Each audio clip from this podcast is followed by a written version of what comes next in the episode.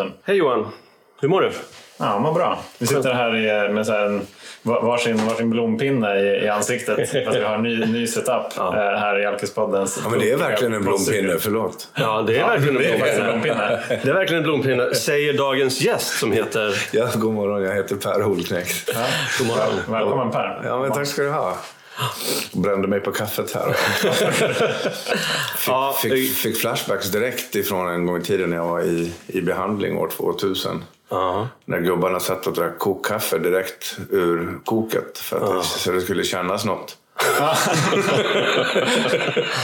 Ja, just det. ja, kul att du eh, kom hit. Ja, det, vet du vad? Det var äran är på min sida. Jag lovar, det här är viktiga saker. Ja, fint att du tycker så. Och Jo. Johan, du kan väl bara berätta lite grann hur kontakten togs? Ja, men det var ju från, eh, från LinkedIn, Ja. här, Ja. härliga forum. Ja. eh, Där du skrev ett inlägg om just samtalet om, om alkoholism. Ja, jag försöker så långt möjligt är att, att vara oförskräckt inför, inför denna heta potatis. Och, och för var gång som jag vågar liksom skicka in det här fröet i loopen så märker jag att liksom folk börjar så smått i alla fall småprata om det.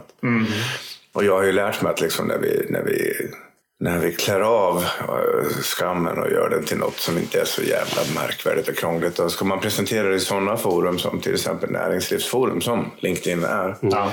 Så kan man liksom oftast prata om resultatfokus och sidovinster och, och pengar i förlängningen och sånt här. Så att då blir det intressant. Så kan man ju liksom ta hela processen bakifrån lite grann. Men jag, jag vet ju själv, liksom, jag har ju levt ett representationsliv själv. Och, och, och jag vet ju liksom vad som bor nästgårds. Ja. Men hur tycker du att um, mottagandet eller inställningen till den här diskussionen är generellt sett? Jag kan ju bara backa tillbaka i tiden tills när jag för första gången själv vågade prata om det offentligt. Ja. Jag har ju gjort mig själv till någon slags representant, vilket både är klokt och inte särskilt Mm, klokt. precis. Samtidigt förstås. Men jag har ju, jag har ju fått lära mig av eh, i produkten av det, vilket har varit alla dessa då, säkerligen tusentals brev jag har fått ifrån familjer eller från eh, kollegor eller kompisar. Och, och ofta handlar det om personen själv som är kompisen. Ja. Men, men, ja, men visst är det så. Eh, Fråga åt en kompis. Men, men att, att helt plötsligt så pratar man och jag får liksom Pappan i Piteå skriver och säger att liksom, nu sitter vi här vid frukostbordet och vågar prata om våra problem, problem i familjen. Och, och ett halvår senare får jag, problem, eller får jag ytterligare ett brev där det står att nu anar vi ljus. Och så här, så att, eh, så att jag, jag tror ju på samtal. Jag tror ju liksom att, Ja. att, ehm, att, att själv då, eh, jag har ju min retorik även så som föreläsare, att jag liksom försöker rida på ganska låga hästar.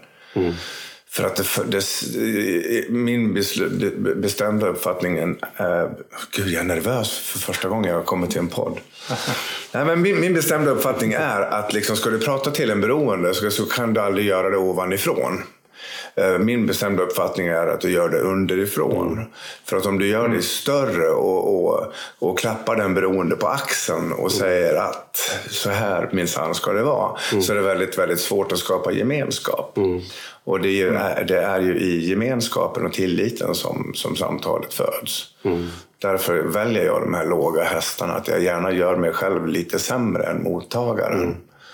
Så förstår de liksom på något vis att här kan vi ju prata. Ja, och det är det som är så spännande med, med eh, den här typen av samtal och även för oss då som har ja, men använt tolvstegsprogram att, att utifrån en, en, eh, ja, men en position där man själv vågar visa sig sårbar och faktiskt erkänna sina egna fel och synder och eh, vad man har ställt till med så kan man också hjälpa andra. Såklart. Och eh, jag tänker så här att vi kanske vi kan väl backa tillbaks lite grann och höra Ja. hur din resa in i missbruket såg Ja. ut från, från början. Ja, den är ju föga unik. det, är en copy-paste från de flesta andras i och för sig. Liksom, hur, hur det går från prövotid till eh, festande i durtoner tills det växlar över till molltoner, tills det växlar över till medicinering, tills det växlar över till katastrof. Tills det växlar över till eventuell, förhoppningsvis, insikt. Ja, det. Eh, någonstans längst ner i källaren. Och. Men hur gammal var du första gången som du blev nykter? Uh, första gången jag sökte hjälp, ja. eller det var inte ens sökt hjälp, det var faktiskt ordinerad hjälp. Ja. Det var år, två, år 1981. För Då var ju du typ drygt 20? 21, jag var 21 år ja, när jag gick på mina första möten. Ja. Det fastnade inte riktigt då eller? Ja, men det var, då hade jag faktiskt... Um, det var en tid när man levde uh, som rebell, självutnämnd ja. rebell. Vi var hardcores, vi var punks, vi var skatare. Vi ja. levde i Kalifornien. Och vi, ja, det var Kalifornien då? Ja, vi hade bägge fötterna på gasen i livet. Och, ja. och, ja, men man var, men fan vad härligt ändå. Ja. Tills det inte är härligt längre. Ja, tills det inte är härligt längre. Ja, men det är inte ja. krångligare än så. Och, och det var ju roligt och vi tyckte oss själva stå lite över lagen och rätt vad det var så, så åkte jag fast för att fylla. Mm. Mm. I USA då? I USA. Mm. Um, där kan ju polisen inte stoppa det annat än om de har en orsak därtill. Eller på den tiden i alla fall. Det fanns inga kontroller. Då hade jag då ett uh, trasigt bromsljus. Så jag blev stoppad och hamnade i, um, i cell. Och fick då utdömt av domaren ett straff som var ganska speciellt. Jag fick uh, för det första 40 timmar städa stranden i, i självlysande väst. jag fick gå 24 timmar i kyrkan. Okay. Jag fick eh, 12 A-möten. Mm. Jag fick eh, dagsböter om ja. si och så många dollar. Jag fick villkorligt i si och så många år. Mm. Så det var ett, ett, en, en hagelbössa av... av väldigt konkret ändå. Ja, väldigt hands-on ja. var det ju.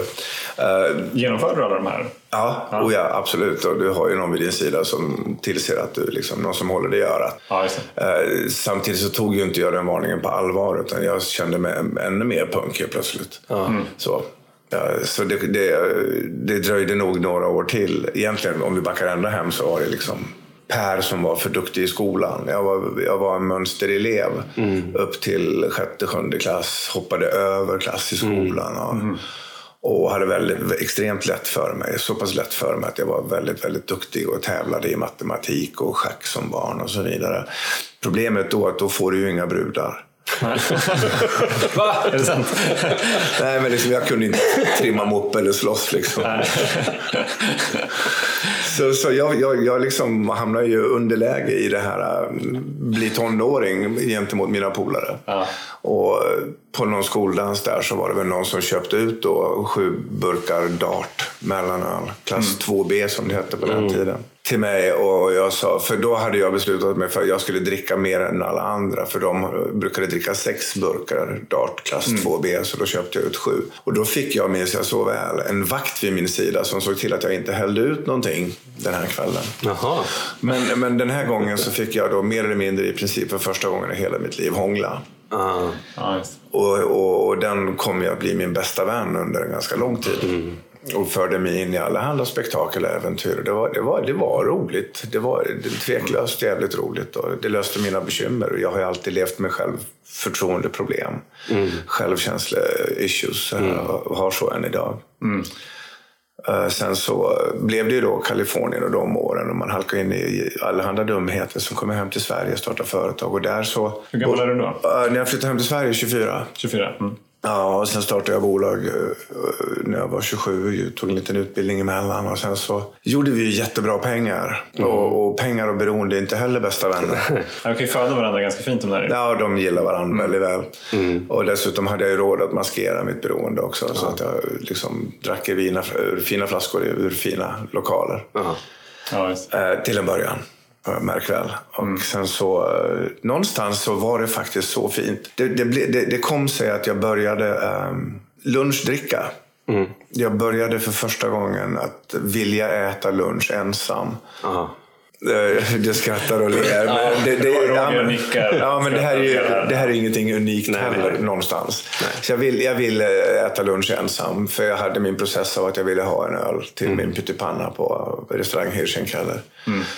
Och sen så mm, väl förförd av öl nummer ett så blev det förstås en nummer två. Och sen så innan jag kom tillbaka till jobbet då vid 14.30 så hade jag druckit en 6-7 bira. Mm. Och det här blev min dagliga rutin. Mm. Nu kom det sig på den här tiden att det var så jävla fint mitt i alltihopa. Jag hade en skateboardaffär på Norrlandsgatan i Stockholm. Mm.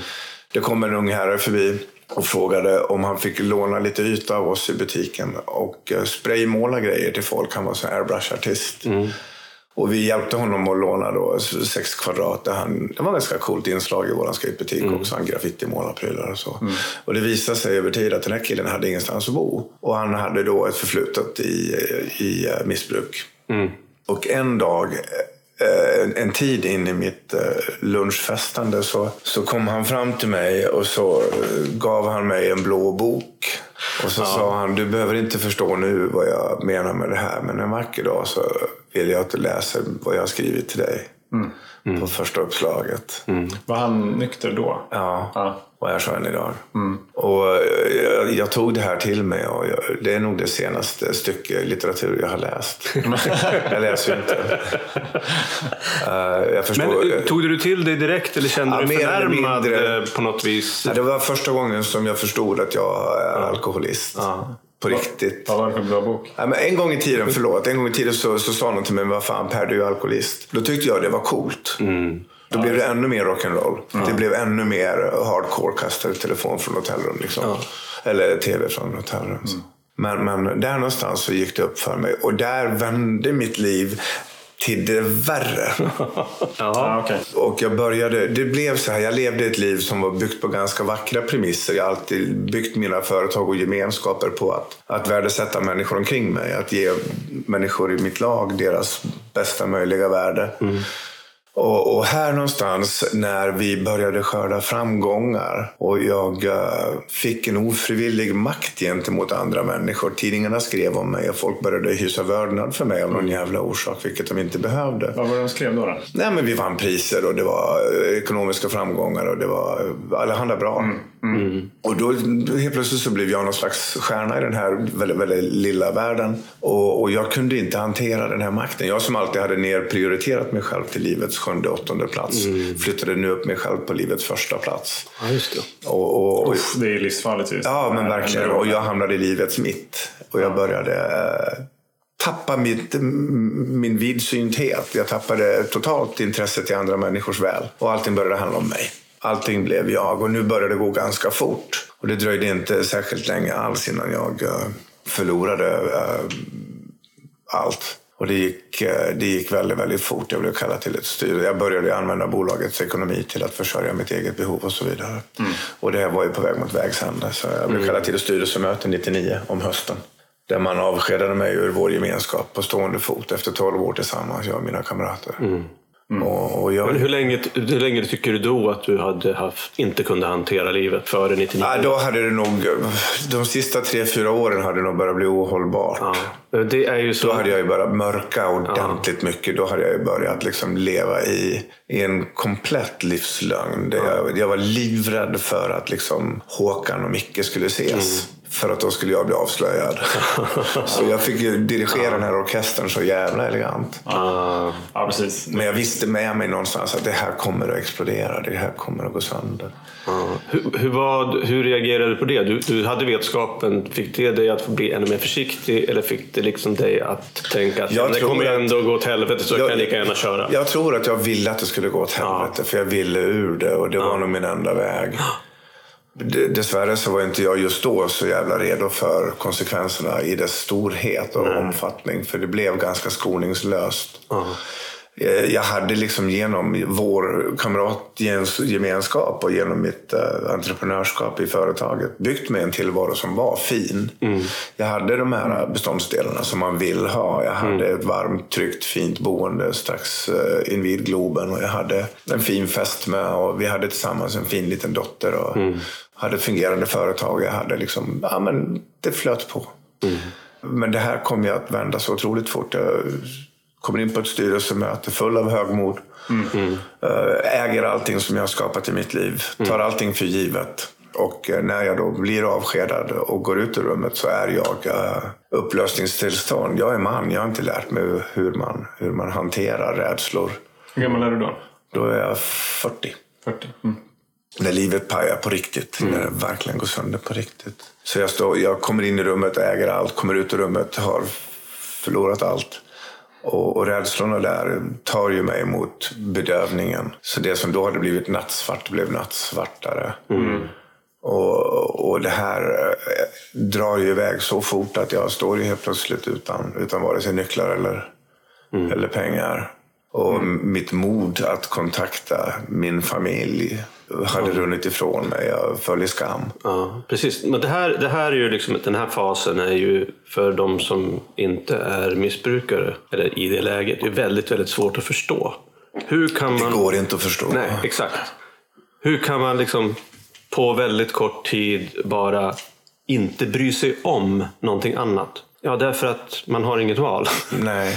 Alltså det, det är det, är jättesvårt att förklara. Och sen så... Det, det, det, det obehagligaste av allt eh, med facit i hand idag är att någonstans när jag hade förlorat allt och är i sorg och skräck och fasa och håller i livets handtag ut så tycker jag om det. Vad, vad är känslan då? Rädslan jag hade burit på så länge att förlora allt. Ja. När jag började ana att det här kommer att detonera. Nu kunde jag helt plötsligt inte förlora någonting mer. Nej, just det. Janis Joplin sjöng eh, “Freedom's just another word for nothing left to lose”. Ja. Så äntligen var jag fri. Jag slapp bära på mina rädslor. Nu är jag så glad. Jag sitter ju här med er idag så det, det blev ju faktiskt inte den svartaste av konsekvenser. Jag, jag fick ju genom ödets nyckfullhet en möjlighet att, att hitta in i värmen igen. Vill du beskriva det lite? Nej, för det första, allting kraschade. Mitt sista barkvitto står det två Heineken och två vodka tonic och Söders hjärta på. Och sen så efter det så vaknade jag på Maria. Och vad jag förstår så har jag stått naken på alla fyra och fått en B12 i röven och skrikit som en stucken gris. Och, och där någonstans så den, ja men du vet. Man kan ju nå botten på olika sätt. Ja, man, ja förödmjukelsen har ju Och för, sina och för de som inte vet så Maria är ju då Ja, Mariakliniken. Mariakliniken, beroendeklinik. Ja. Avgiftning. Så att jag har blivit uh, tvångsintagen. Eh, och där vänder det. Eh, det. Det är en, en god vän till mig faktiskt som, som släpar dit mig. Ja. Och eh, utan hennes gest den kvällen så vet det fan om jag hade varit med oss i, i, idag. För det, det blev väldigt ugly. Det var... Usch, nu går jag tillbaka in i känslan här. Det ser ni på mig också. Ehm, nej, men, men jag hamnar ju då utomhus och jag blir liksom mager. Ja. Och, och någonstans så vet jag, någon sa till mig Per du måste söka hjälp. Och jag vet ju idag att liksom alls vändning börjar ju med att man ber om hjälp. Det behöver inte bara ske i livets mörkaste rum. Det här kan även ske i livets durtider också. Alltid när man ber om hjälp så kan det ju bli bättre. Men, men eh, jag landar helt plötsligt i insikten att min enda möjlighet att få mat är att gå och be Sverige om mat. Jag vågar inte be mamma och pappa. Mina kompisar hade jag svikit.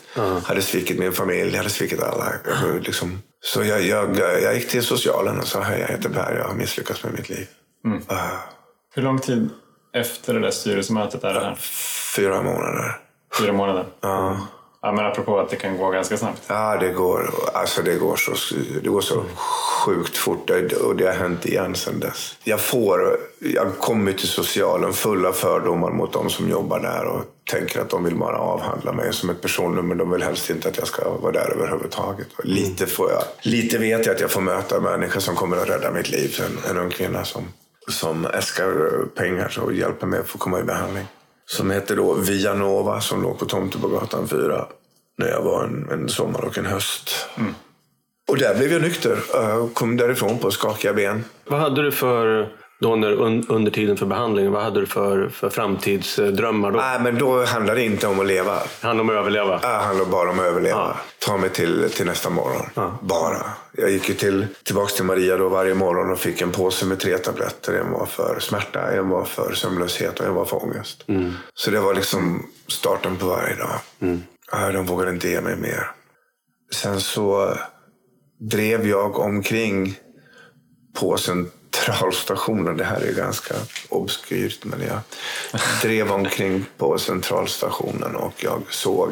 Nej, jag har fortfarande ingenstans att ta vägen. Jag såg eh, på en televisionsapparat så såg jag en trailer för ett kommande tv-program som då hette Big Brother. Och, och, och som var så här, vill du vara med i ett socialt experiment i George Orwells anda? Och det där var ju liksom, fan jag. Och, och A, det, ja, men jag gillar det. A, B, husrum. C, mat. Uh, D, framför allt faktiskt en, en möjlighet att återfå mikrofon i hand att föra min egen talan. För jag trodde mig ha någonting att ge. Vad, vad var det du tänkte då att du ville föra fram? Nej, men jag ville ju åter, återplacera mitt personliga varumärke i marknaden. Mm. Jag hade ju liksom hamnat helt på fel sida linjen och det var en möjlighet för att få finnas med i loopen. Mm. Så jag gick med i programmet där. Och eh, via det så hände det ganska mycket. Vad tyckte du, alltså det här vet jag inte, jag vet inte hur mycket du kan säga, men vad, vad, vad, vad var deras reaktion på liksom din ansökan och ditt tyckte Ja, men jag att- var ju helt säker på att jag skulle komma med. ja, men 10 000 sökte programmet, jag tror 9 kom med. Men jag var jag helt hundra på att de kommer att ringa. Jag, till och med, jag hade ju ingen telefon på den här tiden så jag hyrde en telefon bara för att jag visste att de skulle ringa vilken dag som helst. Och vilket de också gjorde. en telefon. Ja, jag fick, jag fick inte ha telefon i eget namn. Nej. Det var ju helt omöjligt. Jag hade ju förlorat, liksom, det gick ju inte. Min behandlingschef mm, Bo, han sa ju till mig, Per om du nu sköter allting så kommer du ha telefon igen om tre år i eget namn. Tre år. Ja. Det, så det är så här små fina mål. Ja. Men jag förlorade också min, min dotter då på den här Ja, tiden. just det. Men, Och det var väl det större målet. Han sa att en vacker dag så kanske det till och med vinner, vinner henne åt det. Men du kommer att få jobba hårt. Långt hårdare än alla andra. hur, hur, hur gjorde du för att ta det? Du sa så här, men man tar det dag för dag. Där. Hur, hur gör du det? Ta det från en dag till en annan med vetskap Ja, men det viktigaste för mig var att inte dricka. Ja. Så det var ett heltidsjobb för mig. Det var det enda jag inte Hur svårt var det då? Ja, men alltså, grejen med, jag gillar ju när det är svårt. Så att, ja. men jag gillar Ja, när det är men jag, svårt. jag förstår det. Och framförallt så ville jag att det skulle vara min seger. Så när jag var i behandlingsgruppen då, vi var ju liksom, det var ju KBT och vi var ju ganska många. Jag var ju den enda som inte gick på antabus. Ja. För jag ville kunna själv. Jag ville känna att det här var mitt beslut, det var min seger. Jag har inte fått någon hjälp. Idag, långt senare tyvärr, så tar jag hjälp av antabus när livet krisar. Som just nu så smakar det metall. Ja. För att jag har haft lite personliga kriser i livet och då har jag alltid en i bakfickan som kan. Ja. Uh, jag, jag- vilket jag har förstått av väldigt många människor att det är helt fel, men det funkar för mig. Men, men så att jag gick in i min behandling och fick ett jobb och fick tillbaks eh, telefon i eget namn och livet blev ganska okej. Och jag höll mig faktiskt uh, kritvit i nio år och nio månader. Det är ganska lång tid och där någonstans så tänkte jag att när mitt liv kraschade totalt och gick i, i, i bitar och jag eh, var tvungen att bli nykter på livets botten. Nu hade jag då som nykter förstås återbyggt ett värdigt liv. Jag var ju tillbaka i sunda vätskor. Min lyhördhet var tillbaka. Min personliga livsplats hade återflyttats ner till plats sju och andra människor var viktigare än jag själv. Så, så byggde jag återigen en tillvaro av familj och värme och hus och företag och faktiskt också en viss rikedom. Monetär, vilket eh, långt ifrån var lyckan bor. Ja, Kan, jag- kan jag berätta. Spoiler alert. Ja, ja men verkligen. Så att jag hade helt plötsligt allting och sen nio år och nio månader senare så, så bor jag mer eller mindre i slott mot tidigare utan koja. Och jag tänker att liksom, när en, en, en kvinna i mitt liv, jag är ingen nämnd, ingen glömd, men säger till mig att i vårt äktenskap att jag hade börjat känna att hon kanske inte älskade mig. Och vi sitter på en balkong i Kalifornien och hon säger till mig, vet du vad Per, du är den bästa man jag vet. Det enda jag saknar med dig är att vi kan ta ett glas ihop. Varvid hon häller upp ett glas vin. Och jag har en ganska högljudd, mörk jävla korp på höger axel som, som går upp i stämsång. Oh berättar för mig att inte bara får jag ta ett glas vin, jag kan dessutom bli allt det som min fru vill ha. Kanske bli jag älskad. Och den här övertalningsprocessen är ju inte komplex för en beroende. Jag blir, jag blir lätt självförförd. Och jag, så jag säger, ja men skål. Och sen så, jag vet inte hur lång tid det tog innan allting var borta igen. Vad, vad, vad hände där liksom när du dricker det? Nej, då hade jag ju blivit lärd i behandlingen att om man tar ett glas, nu ska du få höra på proffset här. om, man, om man tar ett glas så är man tillbaks där man var inom 72 timmar. Det hade jag blivit lärd. Så precis nio år och nio månader tidigare då? Liksom. Ja, precis. Så då tänkte jag, ja, men då dricker jag ikväll på den här balkongen. Och så gjorde jag det. Sen höll jag upp i 72 timmar. Smart! Ja, men man är ju proffs. Man är ju proffs liksom. Fan. Så, Ja, det, det, var, det var listigt. Ja, så att det här gick ju bra. Och sen var det full gas. Och sen rasade livet igen. Allt bort. Det är just den där, det här gick ju bra. Ja. Nu är det bara att köra. Nu är det. Men, men innan den där balkongen då? Eh, hade det funnits stunder tidigare då du hade varit nära? Nej, ingenstans. Ja, det Ingen, där är så jävla ingen läskigt gång, alltså. Ingen gång. Och det värsta är ju det här. Jag har ju berättat det här för någon terapeut och för någon nära familj. Det värsta är ju liksom att det är lätt att, att fälla agg över hon då som föreslår mig det här glaset vin. Eh, Jag kan inte begära att hon ska förstå. Nej, precis. Jag kan begära att hon ska respektera. Men beslutet är mitt. Ja, precis. Jag kan dock rekommendera eventuella lyssnanden Ja, att inte göra samma sak. ja Nej, precis. precis. Ja, men det, är, det är en bra rekommendation. Så, men beslutet är ju faktiskt mitt. Ja. Så. Hur gjorde du under de där, alltså säg tiden innan där, hur gjorde du för att vara nykter? Ja, men det var ett extremt eh, springa på mötanden. Ja. Det, det var det ju. Jag började ju liksom i nykterhet med 100 dagar, 100 möten och sen så... Sexmöten? Ja, ja, absolut. Ja, det var ju liksom det bästa som har hänt mig. Det är som man lever ju i en enorm ensamhet som beroende. Ensamheten är ju bedövande. Den är otrolig. Och så tänker du att det är bara jag i hela världen som har det så här. Ja, exakt. Och första gången jag kom in på ett möte så sa min terapeut till mig att välj att, om du så tycker det är behagligt, att sitt bara tyst och lyssna. Du kommer att förstå imorgon när vi ses varför jag sa det. Och jag valde att sitta tyst och lyssna och så förstår jag omedelbart att jag behövde inte ens prata för folk där inne förde min talan. Och jag kände eh, äntligen är jag eh, av insikten att jag inte är ensam. Det var den första friheten i det rummet. Och sen så byggde jag ju då fina gemenskaper på det. Sen så, ja, men sen så vattnas ju mötesfrekvensen ur över tid. Jag kände mig stabil, jag kände mig trygg. Jag kände noll oro. Vi hade alltid jättemycket alkohol hemma. Och, och min fru, då till fru drack och sådär. Det var inga problem för mig överhuvudtaget. Enda lilla misshappen var eh, sju år in i det när, när vi var på någon studentskiva. Och min dotter då som väl var sex år.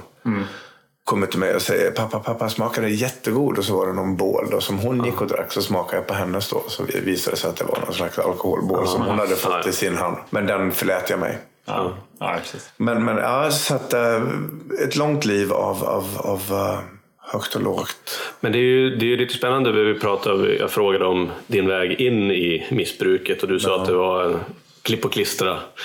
Och då är ju liksom vägen ut ur nykterheten är ju också klipp och klipp och klistra. Ja, det här är- Sluta gå på möten, sluta vara nära liksom, det är inga programmet. Och, det är inga konstigheter Nej. heller. Utan det är, folk säger att man kan binda ett imaginärt eh, snöre runt sitt finger, men det räcker inte. Liksom. Man, man behöver hela tiden, in, inte bara liksom gå på mötet i sig, utan, utan gemenskapen med andra. Att, få, att få sitta på ett möte och det kommer en första gångs besökare. Att få, att få liksom bli påmind.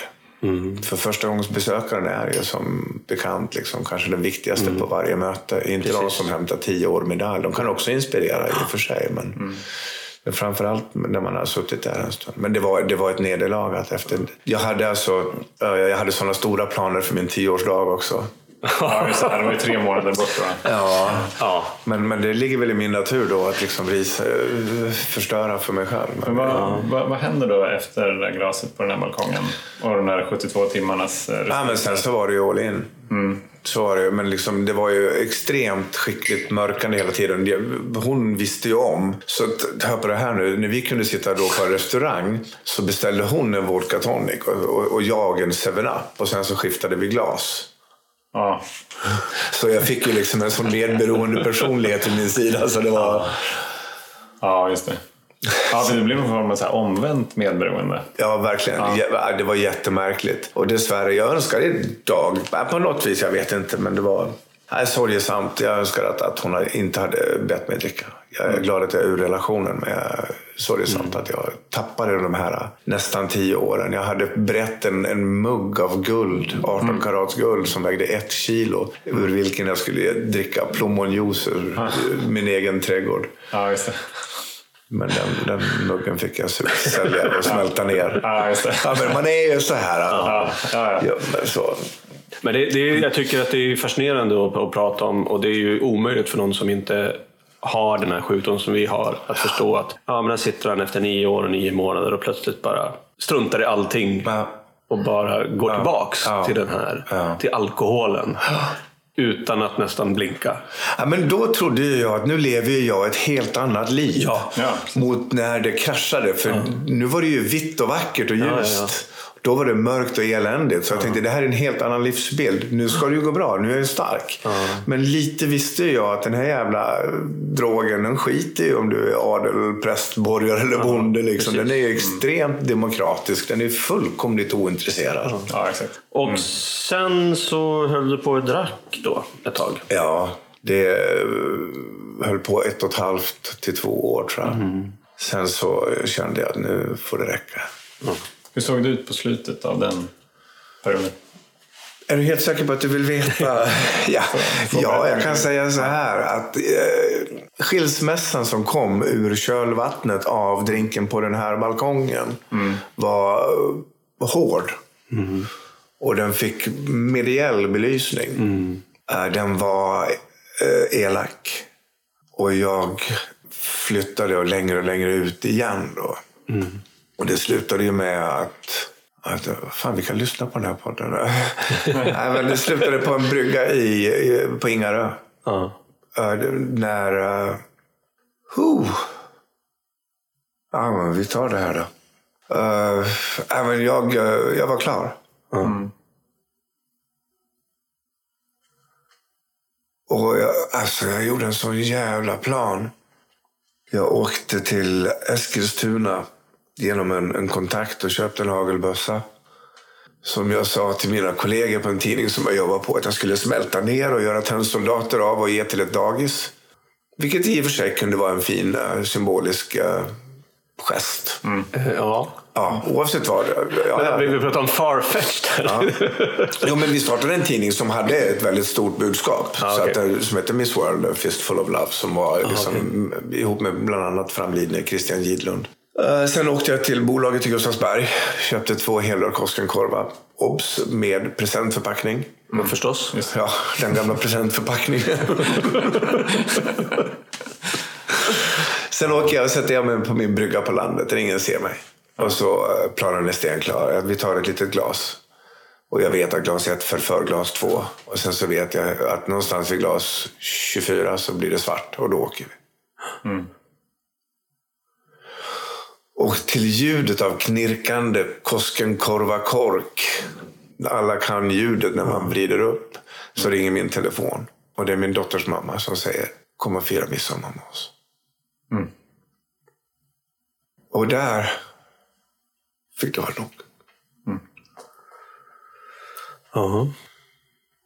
Ja, Jävlar. som det kan bli. Ja, som det och kan då bli. tittar man upp i, i himlen då och säger väl att ja, men tack för att jag fick en chans till. Då. Jag fick en chans den 23 december 1984 också. När jag, eh, jag hade fått två domar för, i Kalifornien för kokain. Vilket var också en, en jävla resa. Jag höll på med kokain i fyra månaders tid. Han får två domar och domaren sa får du en till så kommer du inte ur fängelset innan du har förlorat ditt hår, unge man. I USA så är det three strikes and you're out. Så. Sen så, mm, full av högmod igen, äh, sitter jag där 05.30 på morgonen. Bilen full av kids, hög musik, gapet, alla påtända och runt bilen sju polisbilar. Med blåljusen på och jag har kört och jag har handbojor uh, om ryggen och jag står med bröstkorgen mot motorhuven på bilen och jag fattar att nu är det ju kört. Och då går ju då larmet på polisradion och en kvinna har blivit skjuten ett kvarter bort. Och då släppte de mig. Ja, visst. Så det var ju min andra Save by the Bell. Så där, eh, timmen efter det så ringer jag till Sverige och ber min bror komma och hämta mig. Så eh, där lämnar jag den karriären. Och det finns ingenting glamoröst över det här någonstans vill jag bara lägga till. Det är ingenting coolt någonstans i det här. Det är bara eh, Evja.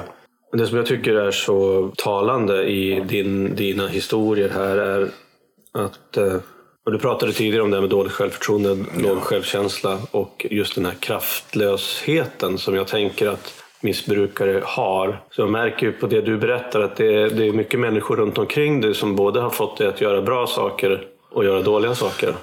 Men man mår ju som man umgås. Ja, ja, precis. Men det är det jag tänker att, att återigen bara stryka under på det du berättade, har pratat om, att liksom söka hjälp, att Ja. sträcka ut en hand och, och ty sig till andra människor istället för att försöka lösa saker själv. För det, Ja. det går sällan speciellt. Ja, men vi, vi, nu ska inte jag sitta här och generalisera, men det, det, det är ändå lite, lite skillnad på pojkar och flickor här. Vi är inte fostrade till att ringa en kompis fem i tolv. Nej, kanske inte. Nej. På samma vis. Vi ska ju vara stolta och bära hem vildsvin. Liksom. Vi ska ju aldrig visa en blotta av svaghet eller tillkortakommande. Det är ju verkligen någonting som, som jag tror vi båda tränar på. Ja, Ofta absolut. Det, det, det, liksom, det tar fortfarande emot att ringa folk i gemenskapen även fast jag vet att de vill att jag ringer. Ja, Det är ändå, det, det är ändå någon barriär där som är sådär, jag ska klara det själv. ja. Inte vill vara till besvär. Nej, så det, det, det är ett jävla liv. Ska jag säga. Vilket jävla liv. Jag är snart 60 år nu. Eh, Jag vill tro att jag inte ser ut som 60, men jag har fått lära mig att fan, det gör jag. ja, men på riktigt. Ungjävlarna börjar resa sig för mig på bussen och så här. Oj, oj. Ja, men det där är lite intressant. Jag, är- jag blir ju 53 här. Jag brukar tänka så här att jag ska resa på mig på tunnelbanan. Men så tänker jag så här, fan. Alla andra som sitter runt omkring mig är ju yngre. Så mycket för den vördnaden.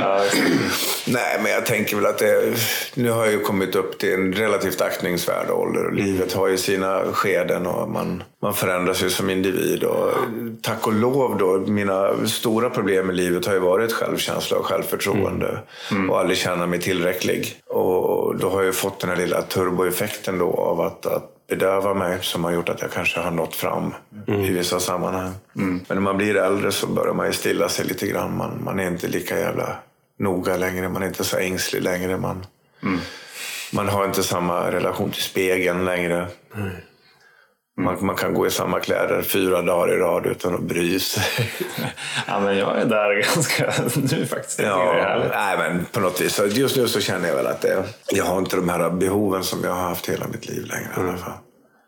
Så att jag hoppas att jag får eh, leva i själslig stillsamhet. Och hur, har- hur har livet sett ut sen den där, eh, det där telefonsamtalet på bryggan? Ja, sen har det, ja, men det är aldrig väldigt cool så. Det, är alltid, det, har, det har varit några övertramp tillbaks. Ja. eh, I nej, men situationer av stor ensamhet. Mm. Mm. Är det de som är värst tycker du? Ensamheten är, ja, ensamheten bland folk. Ja, precis. Ja, exakt. Vi, vi pratade en del om ensamhet. Jag var en sån som samlade på mig en massa bekanta för då tänkte jag att då är jag inte ensam. Men jag kände mig Det blir bara värre. ensam. Ja, precis. Ja, det bara förstärkte. Samtidigt så har jag börjat liksom, ja, men jag har också börjat särskilja ensamhet och ensamhet. Jag, jag älskar ju att sitta själv idag. Ja. I någon slags meditation. Tomglo bara.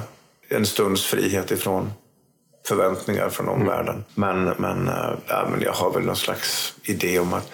Det, det, det tråkiga är att jag byggde ju en sån jävla stark relation till en hemmagrupp ute på Lidingö. Jag bor inte på Lidingö men det var en terapeut som sa till mig att det är där du ska vara. Det finns en gruppering där som du kommer att vara trygg med. Och jag byggde en sån otroligt nära relation till hela gruppen. Så var det någon som gick ur tiden och sen så började allting förändras. Sen så var det inte samma människor. Sen så tappade jag kontakten med den gruppen och sen så har jag väl slarvat lite grann med mötena. Ja, men det där är intressant. Jag har varit med om precis samma sak. Min första hemmagrupp bytte också folk och skepnad. Ja, och skepnad, ja. Och då så höll jag upp. Tack och lov så jag har ju inte behövt gå ut Än. någon gång. Än, ja. Nej. men nu är jag ju tillbaka här i, och har en ny hemmagrupp och är väldigt nära programmet. Och Framförallt de här samtalen som jag och Johan har också varenda vecka. Ja, men inte det här är ett litet möte. Ja, ja, det är ju ett möte, absolut. Ja, för mig är det det. här är Ja, så, jätte... att, eh, så att det är väldigt viktigt att eh, hålla sig nära, nära programmet tycker jag. Ja. Men du, jag tänkte på det här. Du, En sak till innan jag glömmer. Det är så här, som jag tycker vi kan prata lite grann om. Det är ju det här med, eftersom jag har varit ganska, som jag sa, oförskräckt inför att prata om det här. I dess råaste skepnad. Jag pratar inte om det bara för att jag är perfekt, utan för att jag är sårbar och går sönder och jag misslyckas ibland. Eh, Men som en direkt produkt av det så blir jag kontaktad av extremt många människor som jag nämnde tidigare. Jag får ju okristligt mycket människor som äntligen har en möjlighet att ventilera. Men jag kan ju inte bära alla dessa människor på mina axlar. Det är fullkomligt omöjligt. ja, det är det. Så, och jag känner någonstans, liksom, vad, vad, vad gör man? Ska inte jag sitta här och ställa frågor till er, men...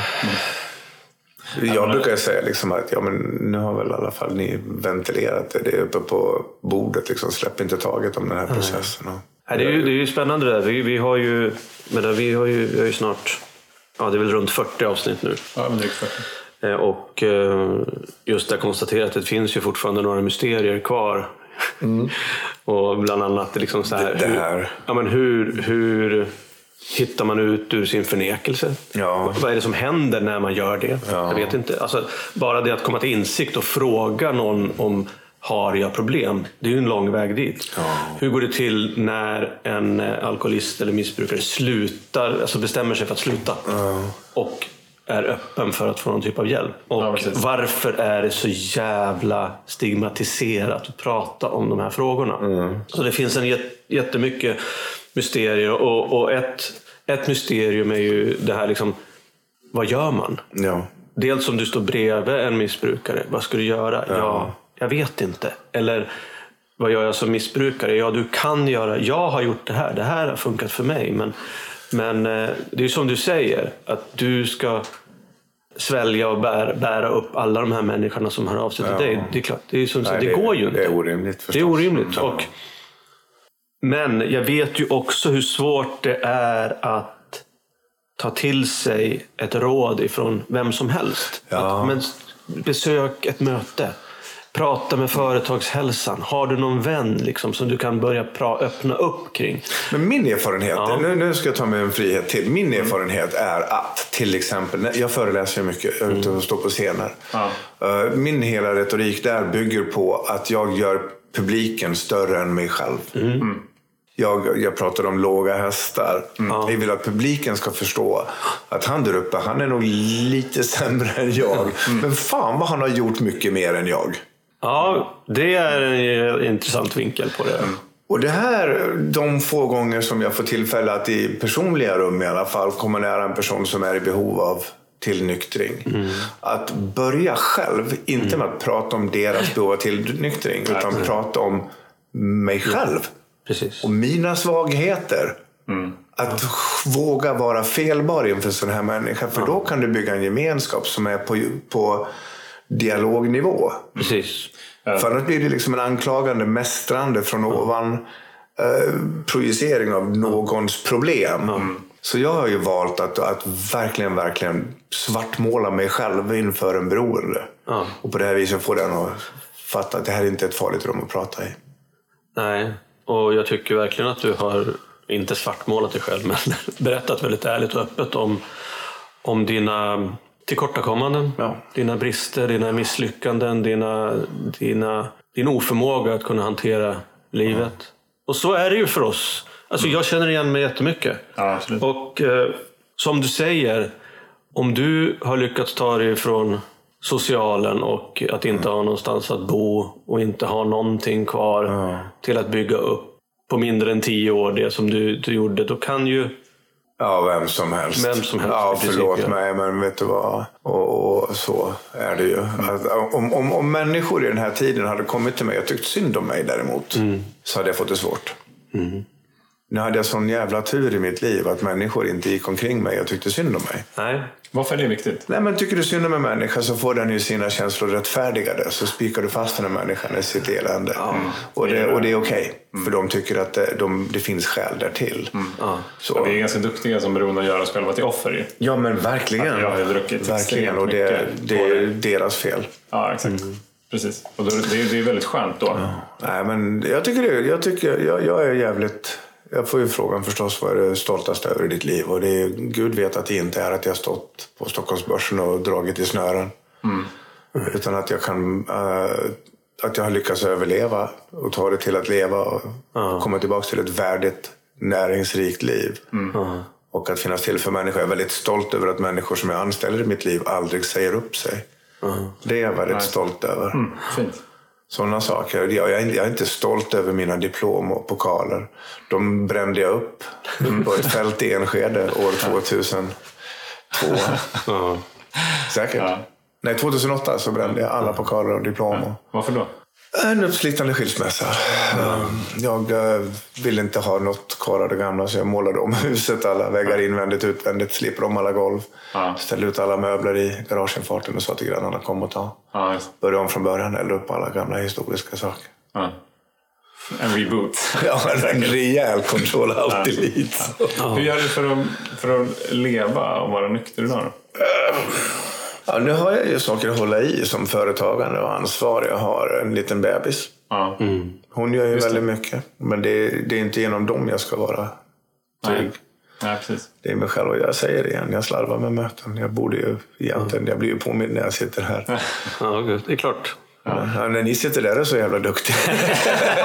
Ja, men du vet, det, det, det, det, det, På våra det, det är ju så, det är ju så det är. Du får ju det du behöver när du behöver det. ja, så är det. Ja, så att, eh, det var väl den här inbjudan som Ja. krävdes då. För att, Ja. Men jag, jag tänker också på det här. Vad, vad, Nej, vet du vad, jag orkar inte längre. Jag orkar inte ställa. Jag, jag, jag, har jag, jag, jag är fast övertygad om att jag orkar inte resa med en gång till.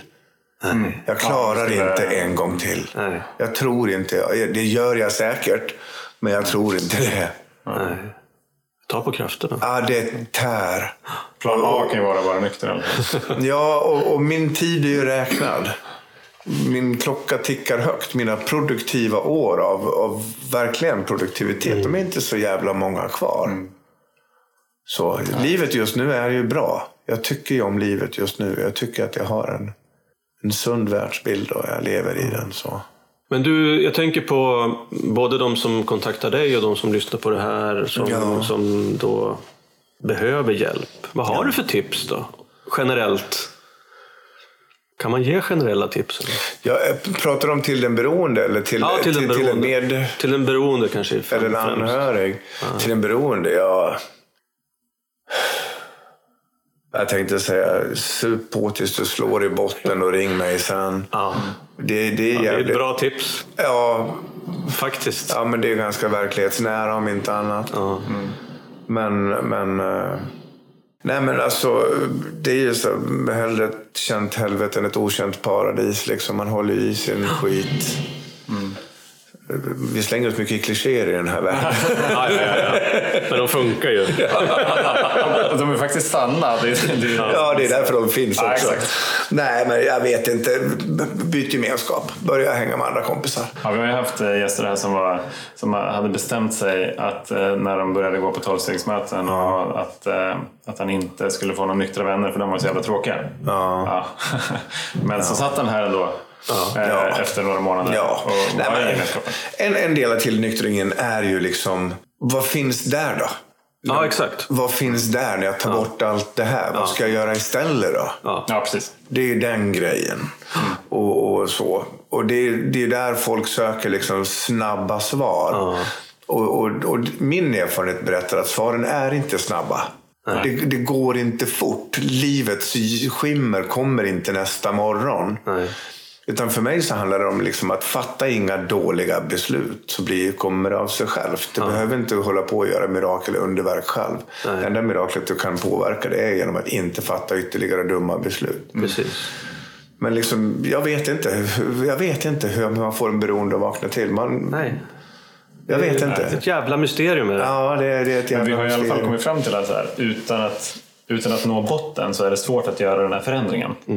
Ja, men det är ju det. Och Alltså- precis när du tror att du står på livets botten så finns det några våningar till. Tro mig. Ja, precis. Hold my beer. I can go lower. Exakt, jag ska ner i källaren här. Nej, men det, och sen är det ju så här, liksom, när man blir nykter och, och förstår, förstår vilken enorm rikedom som bodde i det svåra beslutet. Ja. Det är ingen slump att alla nynyktra blir predikanter eller, eller, eller, eller terapeuter eller vad som helst. För de vill bara ge bort den här känslan.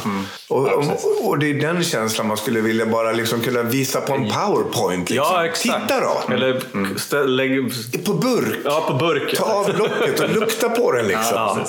Exakt, det här skulle du kunna få. För det är, ingen, det är ingen slump att varenda nynykter jävel går och pratar med alla om det här. Liksom, så att folk stör sig på dem. Ja, precis. Men det handlar ju om att, jag menar, som du var inne på, dels först att överleva och sen att leva. Ja. Och sen leva bra Ja. och sunt. Ja. Så det, är ju, det är ju en process, precis som du är inne på. Och den tar inte... lite tid. Ja, exakt. Den tar lite tid, men då tror jag på de här 100 mötena, 100 dagar. För det är ungefär det den tiden som man, Ja, för det att få upp näsan. Men för att, jag tänkte att vi ska börja runda av lite grann. Men, men vad tycker du saknas i, i samtalsklimatet kring de här frågorna i, i Sverige idag? Eftersom du efterlyste det här lite grann.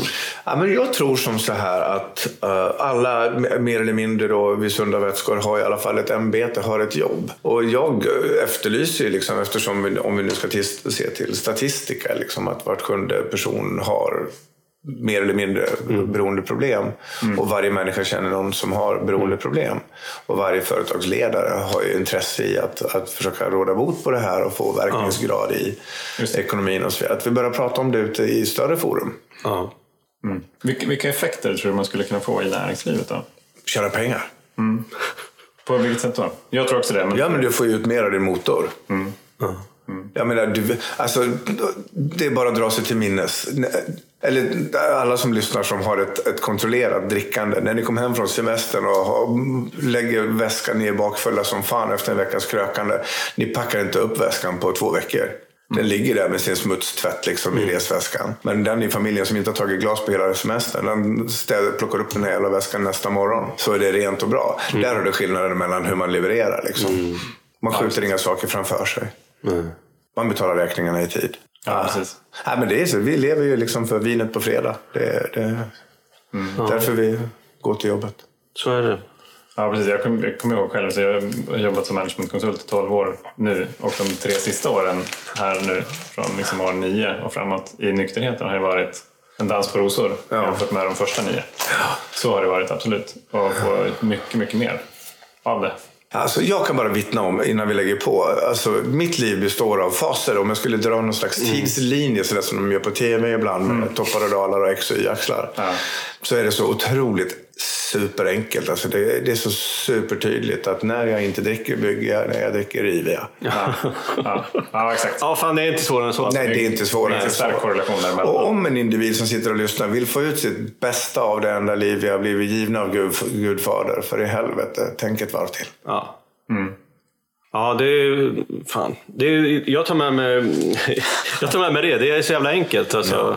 Man bygger och man river. Och, och, Ja, inte- och sen så, så jag, jag, jag är jätteglad att få, få, få ha det här samtalet med klipp och klistra alkoholisten. eh, för, att, för att det är som du, som du säger, alltså våra, våra historier kan se annorlunda ut men eh, vi har mycket, mycket gemensamt. Dem i, både i problematiken och i lösningen. Ja, och i Ja, människan så att, bakom eh, alltihopa. Ja, precis. Så, jag, jag tackar för det. Och det, sen, nu pratar vi väldigt mycket om oss, men sen så innan vi lägger på det så ska vi väl skänka ett ord till de som lever nära den beroende. Ja, absolut. Till, till familjer och barn. Ja, absolut. Vi har Många av oss har växt upp där själva. mycket shoutouts till anhöriga som ju drar tunga lass Ja. där ute. Och som vi har vi sagt också, ofta är de som behöver ta ansvar när den beroende inte kan göra det själv. Ja. Och det kan vara så jävla orättvist. Så Och vi de kan ju avslutar ibland med, vara... avslutar med jättemycket kärlek till dem tycker Ja, jag. absolut. Ja. Ja, ja, men tack. Underbart. Tack ska du ha Per. Stort tack Per för att du kom och var med i samtalet. Nu ska jag hasta hem till Vattkopps sjukbebis. Hoppas det går bra. Ha det så fint hörru. Ja. Kram. Hej då!